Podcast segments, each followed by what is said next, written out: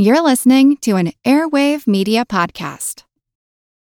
Without the ones like you, who work tirelessly to keep things running, everything would suddenly stop.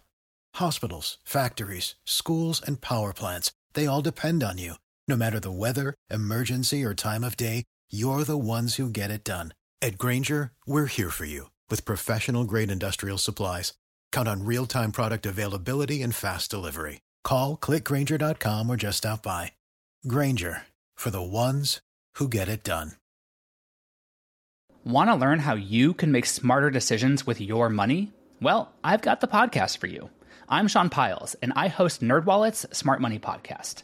Our show features our team of nerds, personal finance experts in credit cards, banking, investing, and more. And they'll help you make the most of your money while cutting through the clutter and misinformation in today's world of personal finance. You'll get clarity on strategies to help you build your wealth, invest wisely, shop for financial products, and plan for major life events. Listen to NerdWallet's Smart Money Podcast wherever you get your podcasts. This is Kick Ass News. I'm Ben Mathis. Folks, do you enjoy listening to Kick Ass News? Well, then become a part of what I'm doing here and help support the show by going to patreon.com slash kickassnews and making a donation. Your encouragement and support is always appreciated. And now, enjoy the podcast. In 2016, the year of making America great again, folks in both parties seem to be nostalgic for presidents past. If you talk to a Republican, nine times out of ten, they'll tell you that given their druthers, they'd dig up Ronald Reagan and nominate him for a third term in a heartbeat. And in the decades following the assassination of JFK, Democrats have romanticized him into the hero of the liberal fairy tale known as Camelot. But what if I told you Republicans in the audience that Ronald Reagan was not the first president to embrace supply side economics, long considered a key accomplishment during his presidency? And what if I told you Democrats, especially those too young to remember the 60s, that JFK was no Keynesian?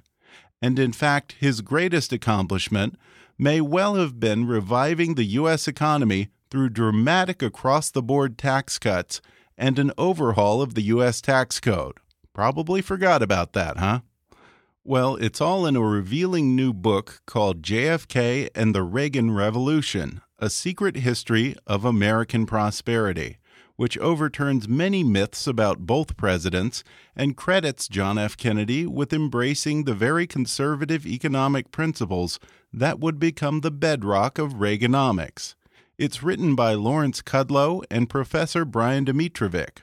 Larry Kudlow is a senior contributor at CNBC and a frequent guest on their show Squawk Box. Prior to that, he hosted his own primetime show on CNBC called The Kudlow Report. He currently hosts a weekly radio show called The Larry Kudlow Show, which broadcasts each Saturday from 10 a.m. to 1 p.m. Eastern on WABC Radio and syndicates across the country. He's the economics editor at National Review Online and writes a weekly syndicated column. During President Ronald Reagan's first term, Kudlow was the Associate Director for Economics and Planning at the Office of Management and Budget, where he engaged in the development of the administration's economic and budget policy. Prior to that, he started his professional career at the Federal Reserve Bank of New York, where he worked in open market operations and bank supervision. He's also worked in the private sector as chief economist and senior managing director at Bear Stearns and Company, and currently as the CEO of Kudlow and Company, an economic research firm. His co-author Brian Domitrovic is a historian, a senior associate at the Laffer Center for Supply Side Economics, and department chair and associate professor of history at Sam Houston State University.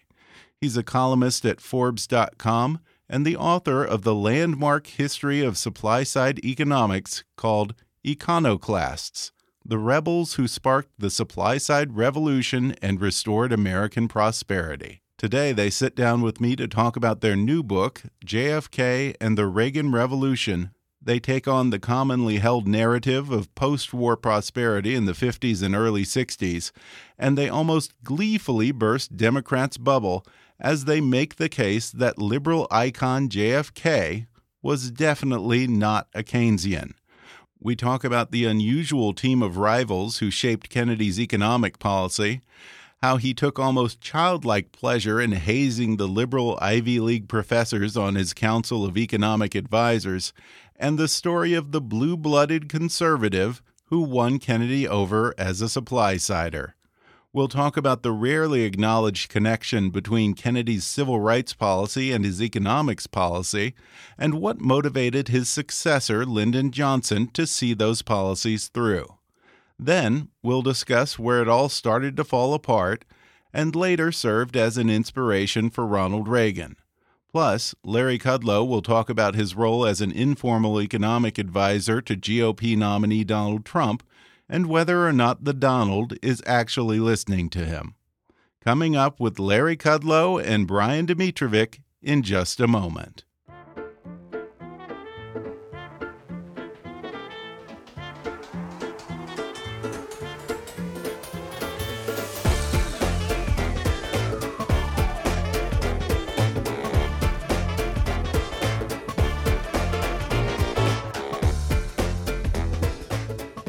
Today I'm sitting down with Larry Kudlow and Brian Domitrovic at the Ronald Reagan Presidential Library and Museum, an appropriate setting because Larry and Brian have written a brand new book which explores the influence that John F. Kennedy had on Ronald Reagan and his economic policy. It's called JFK and the Reagan Revolution A Secret History of American Prosperity. Guys, thanks for joining me. Pleasure. Thank Great you. to be here. Well, secret history indeed. Uh, you open the book by accusing liberals of a concerted effort to rewrite the history of JFK as a supply sider and misrepresent him as a diehard Keynesian. So many of my liberal friends, and I have quite a few liberal friends. Well, yeah, you worked over at uh, CNBC. Yes, thank you for that. um, I do. I still work at CNBC, but they all beaten up on Reagan and his tax cuts, so called for the rich, and beaten up on Reagan people like myself and Brian and so forth. But what they won't acknowledge is that Kennedy was actually the first supply sider. That is lost to history, basically. Yeah. And that's what makes this book fun. And Kennedy, uh, first got a lower marginal tax rate since the 1920s. If you can get a Kennedy person to acknowledge that JFK was the first supply sider, I need to meet them. You need to introduce me You've to them. never met one, huh? I, I know lots of Kennedys, uh, uh, good folk, most of them, been on TV show for one reason or another, but they just draw the line, you know. And in fact, we published the tax rate tables in our book, if only to show people that they did the same thing in principle. So that's what makes the book fun. It's unfortunately JFK's role as a tax cutter has been lost to history. Mm-hmm. And it's a legacy that the Democratic Party has basically um, uh, written out of history. It's like in the old Soviet Union, you're a non person. Remember that when they did yeah. it all the time? Uh, JFK on taxes, a non person. And that's too bad because he, A, he did a lot of good. He snapped us out of the, uh, out of the uh, Eisenhower uh, uh, stagnation. But B, he's a Democrat. And one of the things that I want to get is a conversation. This could be replicated and those guys, in effect, JFK and Reagan, were bipartisan tax cutters. So it's yeah. a different story than the, the, politics we have today. And I wonder, do you guys think that JFK would even recognize the Democratic Party today? he would recognize the status quo. He would recognize growing at 2% per year for eight straight years or even longer because that's exactly what he confronted in 1960 when he ran for president. Mm -hmm. And what he would not recognize today is the complacency about it. How his party, the Democratic Party, is not even talking about economic growth. Amazingly, mm-hmm. it was Bernie Sanders who was the only one on the Democratic side who even talked about raising the economic growth rate. And Sanders himself held high the 5% growth rate. It was so ludicrous for a socialist to talk about his policies, big government policies producing 5% economic growth, but nobody called him out on it on his side because the Democrats have become so inimical to economic growth. And now Hillary Clinton is not even talking about economic growth. I think John F. Kennedy would be aghast at those developments today. Yeah. I think Kennedy would be a Republican today. You think so? I do. Who would you equate him to that's out there today? You know, on the left or right? unfortunately, that A McCain? moderate conservative Democrat type is really doesn't exist. There's so Mhm. much polarization between parties now, and as I've said, it doesn't have to be this way. But look, Kennedy was a hawk on foreign policy. hmm Okay, he's a World War II um, hero and was very, very tough on communism. It was a big part of his flag. Reagan also very tough on communism. It's real easy for me to substitute the word ISIS for the word communism. hmm And I would think Reagan, uh, Kennedy would be very hawkish. And on the economy, as Brian noted, Democrats today don't do growth. They try to do redistribution and solving inequality with something called social justice. And all they do is attack successful people. That's all they do. Kennedy was not in the least in that way. He would tangle with business periodically. That's okay. But basically, he, he wanted to reward everybody got his tax cuts upper, middle, lower corporations, they all got tax rate reductions from Kennedy. Democrats today would just not do that. And it's a tragedy in a way. Yeah. I'm an ex Democrat, by the by, proud to be an ex Democrat. I think it takes, you have to be an ex Democrat to really understand why they're so wrong today. no doubt. I mean, Reagan was an ex Democrat. Right, right, right. We often cite the fact that when Kennedy came into office, the top tax bracket was 91%. But one thing that comes out in the book that I didn't necessarily know is you talk about the fact that it wasn't just hitting the 1%. The government was dinging Americans every rung up the ladder. Yeah, there were what 24 tax brackets from 20 all the way up to 91%, and you know, the rates above 50%, basically nobody paid. The very study that motivated Kennedy to cut tax rates that he received from Stanley Surrey, the Harvard law professor who had become a tre- assistant secretary of the Treasury under Kennedy, uh, pointed out that uh, only 43% of income was even reported, and virtually every rate above 50 uh, had nobody paying it. Only one in five people who theoretically could be paying it were paying it because what they were doing is just shifting their income into non taxable income streams. So, what the effect of that tax rate was to justify the lower rates. One of the reasons we had 20, 22, 30, 40% tax rates on the little guy is that the top tax rate on the statute book was 91%. When you lowered that top statutory rate, then all of a sudden your cover for taxing the little guy uh, was removed. And FDR had actually been very clear on this. It's one of the reasons he talked about having 100% income tax in World War II was so that you could tax the mass of the little guys where, where the real money is in terms of government revenue. So that, that consensus really needed to be shaken up, and, and John F. Kennedy shook it up. If you were a small business woman or you were starting your own business, would you be locked into paying that rate at that point? Yeah, you At the beginning. I mean, later on, if they got wealthy, you're right, they can hire expensive lawyers and accountants. But suppose you're just starting out. Yeah, if you're just starting out, so you're trying to start a business in the early 50s or uh, early uh, 60s or late 1950s, um, if you're just taking in income uh, in, your, in your own personal schedule, well, you start every two or three thousand dollars. You you have to face a higher and higher bracket. Now you could incorporate, but then the corporate tax rates go up pretty quickly, all the way up to 52 percent. So this was a recipe for the Fortune 500. I mean, there's a reason the mm-hmm. Fortune 500 came into being as such in 1955, and that was that big settled corporations were the most functional in this environment.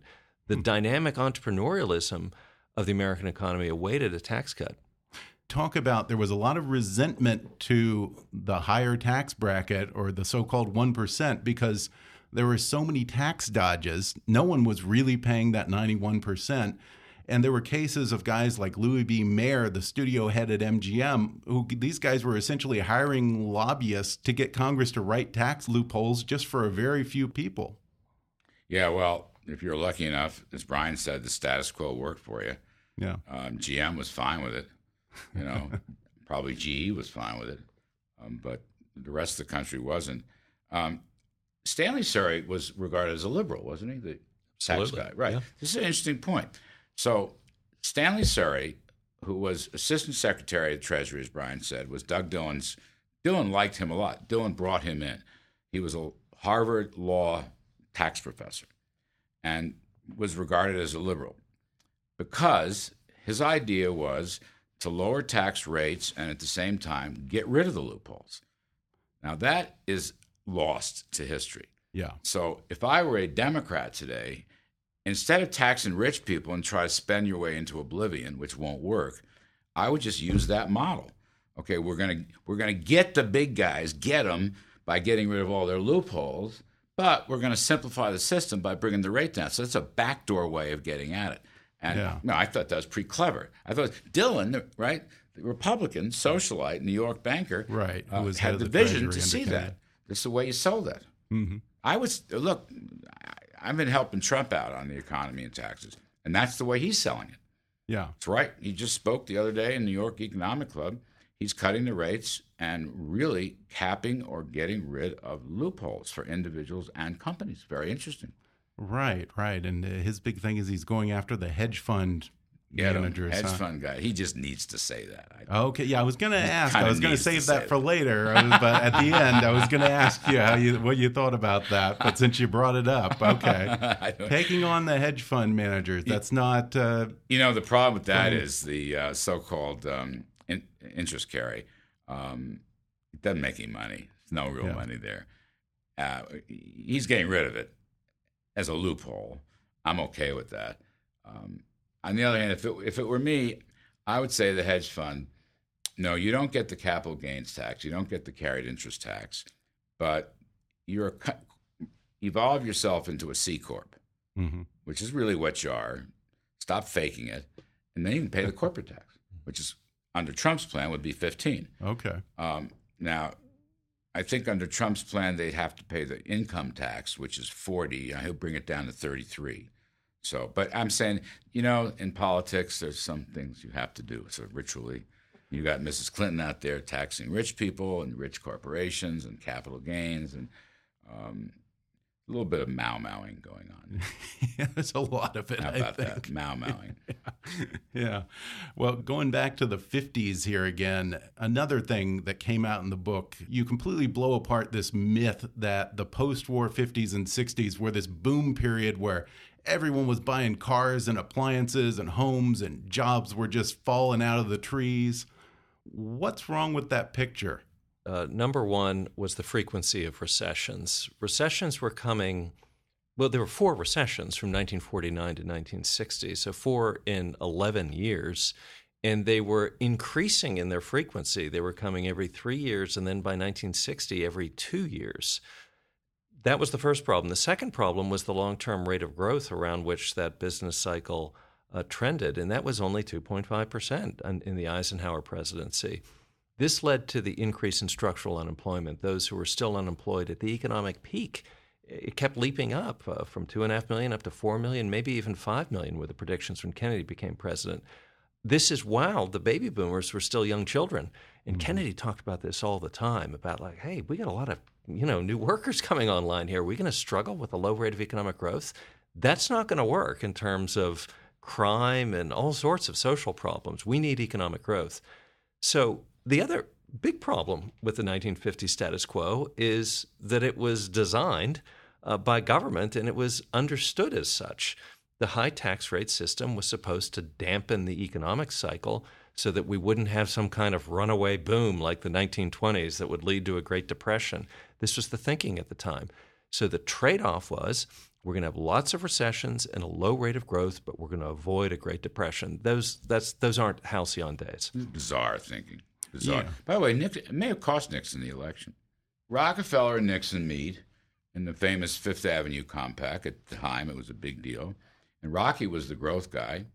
And ironically, he wanted to cut tax rates and close loopholes. Now, as governor of New York, all he did was raise taxes, but that's a different book. But he wanted 5% growth, and Nixon kind of signed off on it, but never used it on the campaign trail. Never, never, never, never. Well, I mean, it also it must have been hard for Nixon to make the argument that oh these guys in the White House are really botching the whole thing here. You mean the Eisenhower was, House? Yeah, exactly. Eisenhower that he was White vice House. president for. Yeah.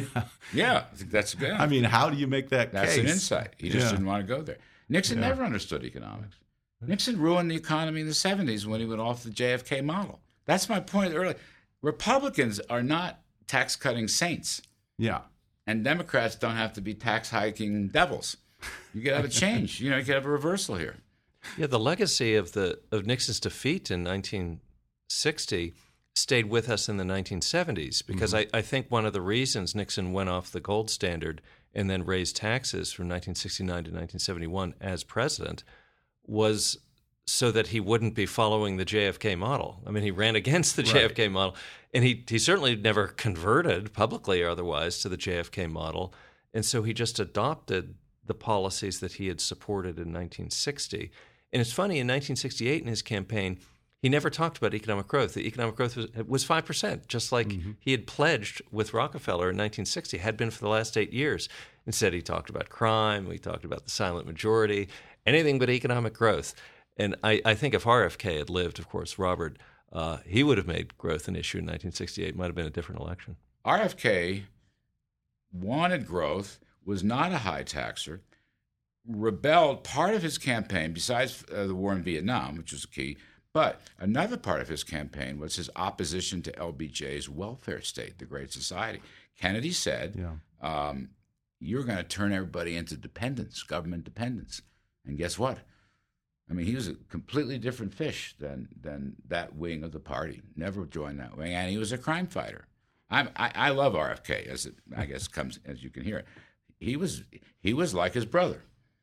He was Yeah. not part of the left wing wing of the Democratic Party. You say that JFK, for him, economic policy and civil rights were two sides of the same coin. I guess even the Dixiecrats in the South, apparently, they were okay with having a stagnant economy because it meant less jobs for African Americans, huh?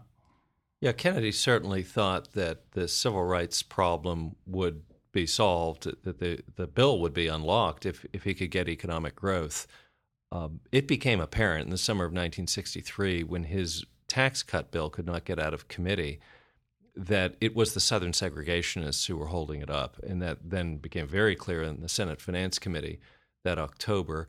And the reason was um, that if there was going to be 5% economic growth, uh, there was not going to be a lot of unemployment in this country. And if there's not going to be a lot of unemployment, there's not going to be a lot of effective discrimination against African Americans. So if you really are a segregationist, you got to stand up and show it. And that was only a few people in the South. Uh, and so there, the concern was if there's economic growth, then Americans are much more likely to kind of drop the pretense of racial prejudice and just welcome everyone into this big pie prosperity. And I think that's one of the big reasons that um, civil rights succeeded as it did. In a way, it actually might even vindicate some of the conservative concern about the Civil Rights Act of 1964. Maybe it was not entirely necessary because if you just have a booming economy, as is natural to this country, I mean, everyone's going to get along very well. It's kind of a hidden point here that growth solves a lot of problems. Okay, may not solve every problem, but growth makes people happier, more optimistic. Uh, they don't. Folks don't hate each other. They don't point the fingers, call names when they're happy and prosperous and working. That's a benefit of growth. It's an attitudinal benefit as well as a monetary benefit.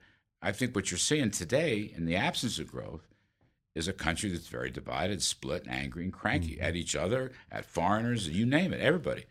We're going to take a quick break, and then I'll be back to talk more with Larry Kudlow and Brian Domitrovic when we come back in just a moment.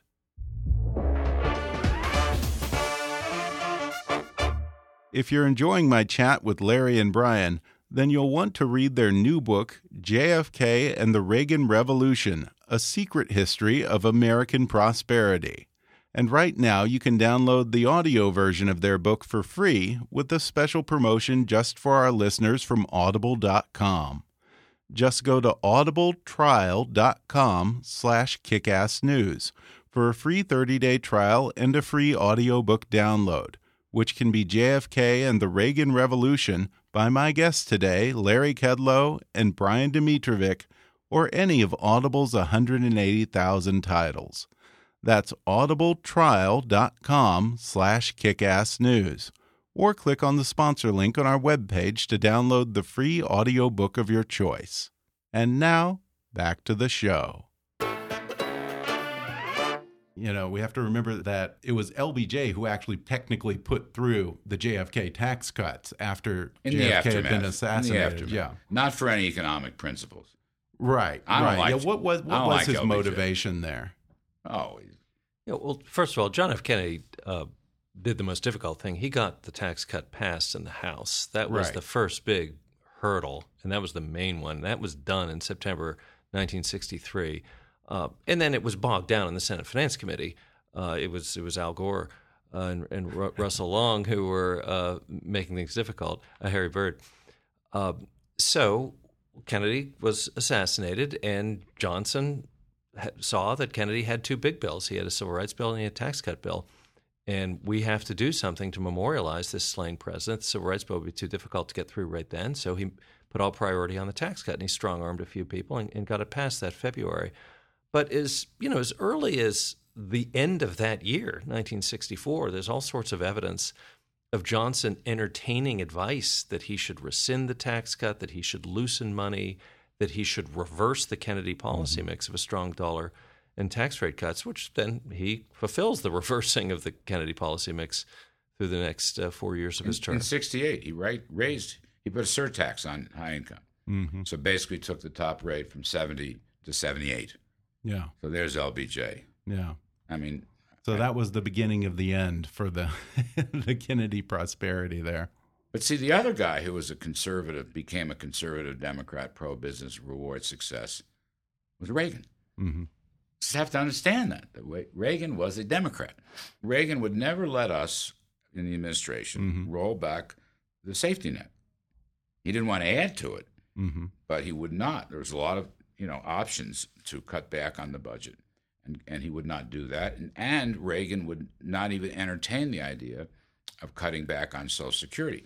Reagan was for Social Security and put together a Republican Democratic coalition, uh, Labor, Moynihan, um, and of course a lot of Republicans, Alan Greenspan, to save Social Security. So Reagan really is a different kind of bird, hmm and um, well, so was Kennedy. I don't know. I'm just Yeah. looking to. I need to. I'm trying to find who's going to fulfill those roles Yeah. in the next uh, dozen years or so. Yeah, and you know, just like you were saying that we forget that there were Republicans who were the tax raisers, we also forget that there was a big austerity push pre-Reagan in the Republican Party. So Pete Domenici, he's a wonderful man, by the way, wonderful man. But Pete was a you know budget balancing, deficit hawk, austerity guy. Uh, Howard Baker, Bob Dole, all these Senate bigwigs who ran and lost against Reagan. I might add. Here's one: Barry Goldwater, supposedly great libertarian free market guy. He voted against the tax cuts Yeah. and ran against the tax cuts. Ran Why? against them. That's the dopiest thing I've ever seen. that was from Jude Wanniski's books. First time I ever, the late Jude Wanniski, Yeah. famous book, uh, The Way the World Works. Yeah, no, I don't know. Goldwater may have had mixed motives, but basically he didn't understand economics. Because we worked with him in the Reagan years when he was chairman of the Armed Services Committee. And he was terrific, Goldwater, terrific. You know, strong anti-communist, put up money for it. But he didn't understand tax cuts. Can you imagine running a, a Republican running against tax cuts? Dumb, dumb. was it just whatever Kennedy said yes to, he was saying no, he was playing it politically or We, we looked at the Goldwater's campaign literature from early 1964, right when the tax cut was passed uh, over his you know, nay vote in the Senate. Uh, and Goldwater seems to have interpreted the tax cut as a Keynesian measure. So Goldwater actually internalized the developing Keynesian, false Keynesian interpretation of Kennedy's economic policy because his campaign literature said I do not approve of the president's tax policy, which seeks to manipulate the economy, which seeks to provide a temporary benefit. And that was not how John F. Kennedy had designed or justified his tax cut. He had certain liberal advisors who were trying to say that, but Kennedy turned his back on that and said, no, we need a long term policy to get the tax code out of the way. So it seems that uh, Goldwater was a little blind to that. It's funny, he actually had a tax cut going in the in the in the Congress at that point in time, and Reagan actually uh, spoke in favor of it in the early '60s. And this was a simultaneous spending and tax cut. I think we should make one point: is that we do have to understand why the Republicans were so concerned about spending. I mean, if you look at the 15 years before 1962, real federal spending went up 150 percent. Mm-hmm. I mean, over and above inflation. I mean, the federal government's doubling, tripling, quadrupling in size. Uh, what are we going to do about the spending? And that's a very yeah. pertinent question. And so people like Representative Byrnes on Ways and Means, the Republican from Wisconsin, were like, okay, you're having a tax cut. What about the quadrupling of spending in real terms? Are we ever going to talk about this? Vermont Royster at the Wall Street Journal said the same thing. It's a good question, but ultimately, uh, the answer was to be found in cutting tax rates, getting the economic growth, and then weaning people off government spending. Mm-hmm. See, Brian is being very kind to Barry Goldwater. I like, I, he's crafted a very smart uh, analysis so as not to beat up on Senator Goldwater. So I am a Goldwater fan too. Okay, but but but but but but in 1980 he opposed Reagan's tax cuts. In 1981 he opposed Reagan's tax cuts. He was a guy who argued the basic root canal theory, which Republicans had argued ever since the Depression, that first you have to cut spending and then you'll cut taxes. The problem is the spending cuts never came. Mm-hmm. Right? Brian's model on that is much better you cut tax rates, you won't need all that government spending. The demand yeah. for welfare and so forth comes down. Now, yeah. Reagan was great with Goldwater, and Goldwater was great for Reagan because we gave Goldwater so much money for defense spending because he was a really fierce anti-communist hawk, and he was the chairman of the Armed Services Committee, which is a very big deal.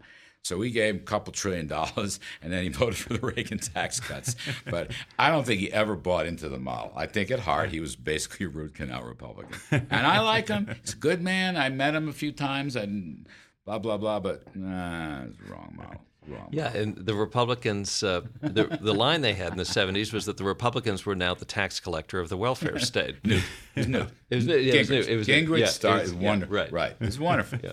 Right you know, before I forget about it, you know, one amusing little bit in the book that I found kind of entertaining was that you talk about this kind of team of rivals that Kennedy had back during the Kennedy administration and how the Keynesians on the Council of Economic Advisors were all these egg-headed Ivy League professorial types with little real-world experience. And you talk about the fact that Kennedy kind of put them in awkward social situations for no other reason than to entertain himself. And I guess there's some debate as to how much he actually valued their actual input. I think Kennedy really liked to have intellectuals around, you know, like Schlesinger, okay, whom I had a lot of contact with uh, down through the years. Um, but I don't know that he ever really listened to them. Mm -hmm. I mean, because Brian's point, they tried government spending in 61 and, and didn't work. And I, I think Kennedy was a very hard minded politician and a damn good one. And he knew he had to have 5% growth. That was his view in order to be reelected. And he wasn't getting it. And I think he threw them overboard and t- went to doing who he respected and who was his social equal, very important in that world, and um, right. decided to go a different right. way. Decided to go a different way. Yeah. I think that's really it's almost a psychology analysis. But yeah. I really think that if the other thing had worked, mm-hmm. then they would have won. The liberals would have won. But it didn't work because it doesn't work. It violates the laws of economics, but yeah. free market economics. But I think Kennedy was really a good politician, mm-hmm. having Republicans in his cabinet. Mm-hmm. You know, I mm-hmm. think, I mean, it's the kind of thing I'd like to see nowadays. I really would. Like when George well, W. I'd like Bush, to see a lot of Republicans in the cabinet. well, yeah, but you know what? No, no, no. I don't want you to get carried away with this partisanship you're hinting at because uh, it was team of rivals. So you hold that thought. Yeah. All right. And George W. Bush wins in 2000, mm-hmm. but not exactly. Fair enough? Right. Not exactly. Right. I mean, you have 5 4 Supreme Court appointment. Okay. So I felt and told all the Bushes I knew that they should put Democrats into the cabinet. Find yourself moderate Democrats, hmm put them in the cabinet. And you have to run almost as a coalition presidency. Bush didn't. And I think it, it hurt him in the, in the longer run of his Mhm. presidency. Um, now, Reagan didn't either, but Reagan spent a lot of time wooing, wooing Democrats, hmm Yeah. and it paid off. yeah. See, Big time. Or contrast that with Obama.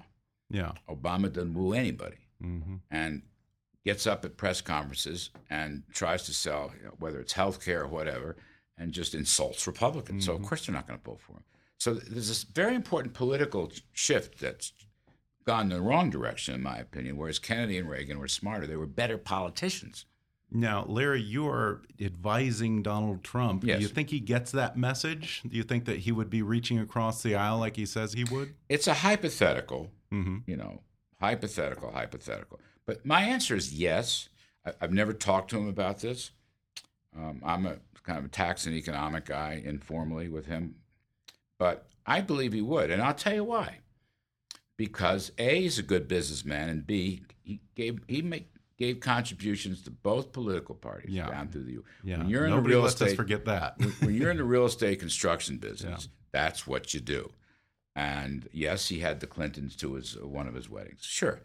Well, I don't have a problem with that, as long as his basic story is the same. As long, if he's cutting tax rates, and he wants to put a, a similar thinking Democrat either in the cabinet or as a, you know an advisor, kitchen cabinet, or if he wants to go to the Democratic Party in Congress, I'm fine with that. That's what you should do. Now, have you given Donald Trump a copy of the book? I sent one to him. Okay. Do you know if he's read it yet? I don't know, but I'm going to be seeing him shortly Okay. before the debate, and I'm going to ask him. I'm going to make sure he committed it to memory. Do- yeah. Do you think that the lessons of the book are, are ones that he gets? Well, I don't know. I don't know. I don't- I don't You're the advisor. I'm, so I'm just. A, you're the one- sensei I'm- here. I'm Is a the one- student getting it? I'm a one feather Indian. Believe me. Uh, but I do. I do think he understands. A the tax rates, Uh huh. absolutely, and B I do think he understands the politics. Mhm. I think he's a pretty crafty guy. Not everybody agrees with me, obviously, Yeah. so I understand that. Have you sent a copy of the book to Hillary? You know, I'm try. I have said I've all my Democrat Equal friends- opportunity. I know. I want to get the book to her. I can't. I haven't found the right check. I've I wanted to talk to her. I've said I, I'm not going to name names, but I know a lot of her group, and I've said just give me ten minutes with her, and I will sell you sell her on corporate tax reform, yeah. right? would- Which to me is an easy bipartisan issue, yeah.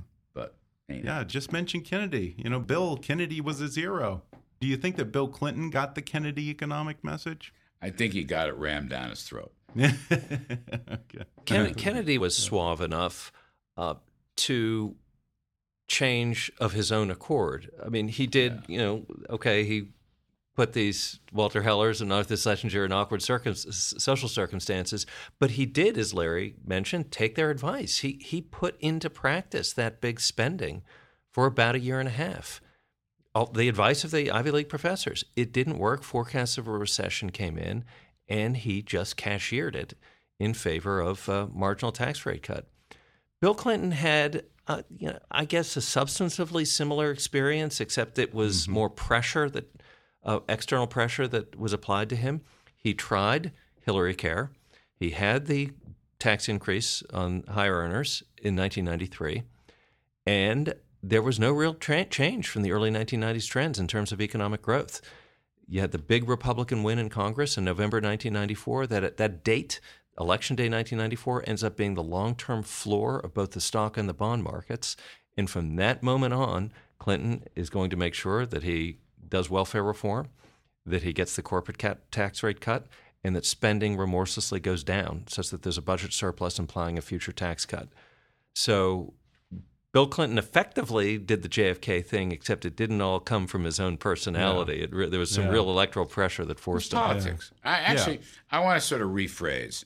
I said that you know he cut the capital gains tax, for example, and he supported a free trade bill, and he went through welfare reform, which can be looked at as a tax cut. Mhm. Um, So I'll give him a little more credit than jamming down his throat because I think with Clinton it was politics. He was a good politician. Yeah. So in Arkansas, remember, he was attorney general, ran for governor, won, and then got beat for governor. So what did he do? Yeah. He moved to the right. Yeah. Well, same thing, what Brian described. So he, he did Hillary Care and tax hikes in 93 and 4 and lost both houses of Congress for the first time, whatever, since 1954, whatever. So politically, right, this is the end of big government as we know it. Mm-hmm. Where'd that come from? Well, it came from the election. but that, I don't, you know, it's Yeah. funny. I, having hung around a lot of politicians in my time, I don't really blame him for that. It was what it was, and Yeah. it wound up doing great. As, as Brian said, helped the economy, helped stock market, et cetera, et cetera. Well, I don't know which way this election's going to go, but if Hillary gets elected, I hope that she learns from his mistakes. And if Trump gets elected, I hope he listens to every damn word you tell him, Larry. I really mean You're that. very kind. You're very kind. All right. Well, Brian Domitrovic and Larry Kudlow, thank you guys. The book is called JFK and the Reagan Revolution A Secret History of American Prosperity. Larry Kudlow and Brian Domitrovic, thanks for talking to me. Thank me. you. Thank you.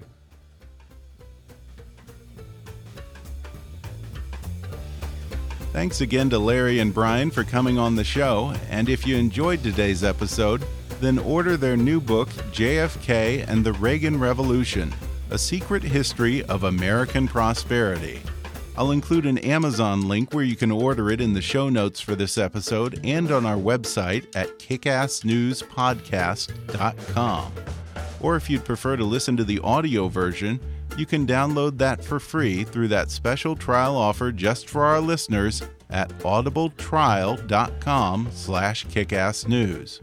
Another book to add to your reading list is Brian Domitrovic's excellent book, Econoclasts The Rebels Who Sparked the Supply Side Revolution and Restored American Prosperity. Be sure to look for Larry Kudlow's weekly syndicated column and see him on CNBC, where he's a senior contributor and a regular guest on Squawk Box. His radio show, The Larry Kudlow Show, airs on Saturdays from 10 a.m. to 1 p.m. Eastern on WABC Radio, and it's syndicated nationally by Cumulus Media. You can also follow Larry on Twitter at, at Larry underscore Kudlow, and Brian is at, at Brian Domitrovic. Larry's website is kudlow.com, and you can read Brian Domitrovic's work at laffercenter.com or at forbes.com. Be sure to subscribe to Kickass News on iTunes and leave us a review while you're there. And if you really want to help out, then donate to our GoFundMe campaign at gofundme.com slash kickassnews.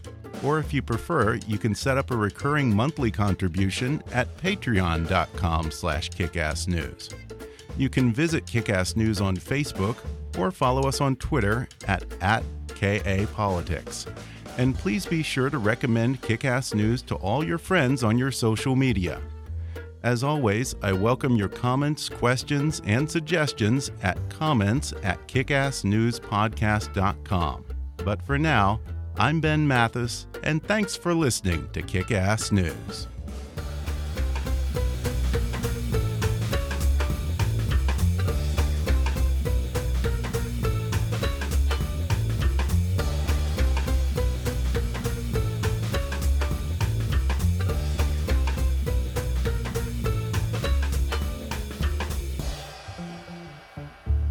Kickass News is a trademark of Mathis Entertainment, Inc.